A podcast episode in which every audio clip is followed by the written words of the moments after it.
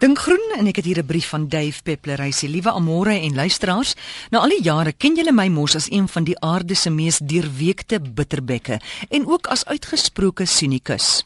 Ek beskou meeste mense reddeloos verlore, oninteressant en gewetenloos en dit geld veral vir die inwoners van ons kontinent. Bykans elke stad in Afrika is 'n nagmerrie van besoedeling, onvoltooide projekte, opdrifsels van vuilgoed en lugbesoedeling." Dan chaotiese verkeer, onpadwaardige voertuie en varkagtige gedrag van bestuurders bevestig elke keer dat hier geen beplanning is nie. Dat elke mens eenvoudig net vir homself sorg en dat omgee vir jou medemens nie meer bestaan nie. En toe, 'n paar dae gelede, land ek vir die eerste keer in my lewe met 'n groepie ekotoeriste van Live the Journey in Kigali, die hoofstad van Rwanda. Toe ons die lughawe uitry, het dit dadelik doodstil in ons bus geword en almal het sprakeloos na buite gestaar en eers minute later tot hul sinne gekom.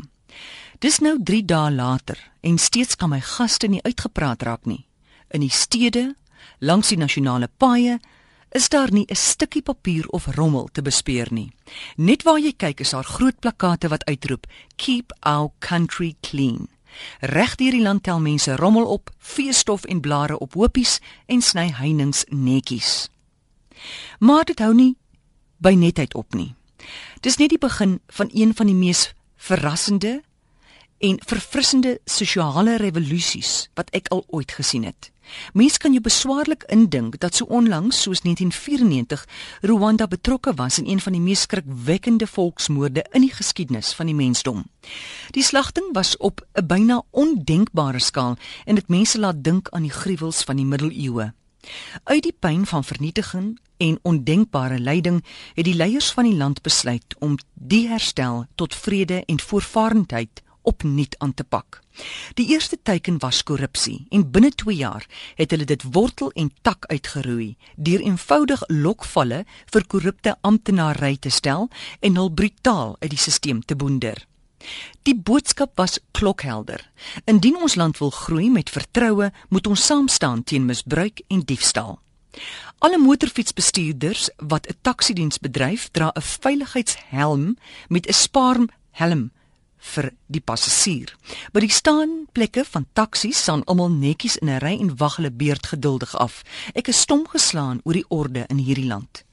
Sodra jy die stad verlaat, sien jy verder tekens van innoverende denke om landbouproduksie op te stoot, mense te laat saamwerk in koöperasies en om die produkte teen regverdige pryse te bemark.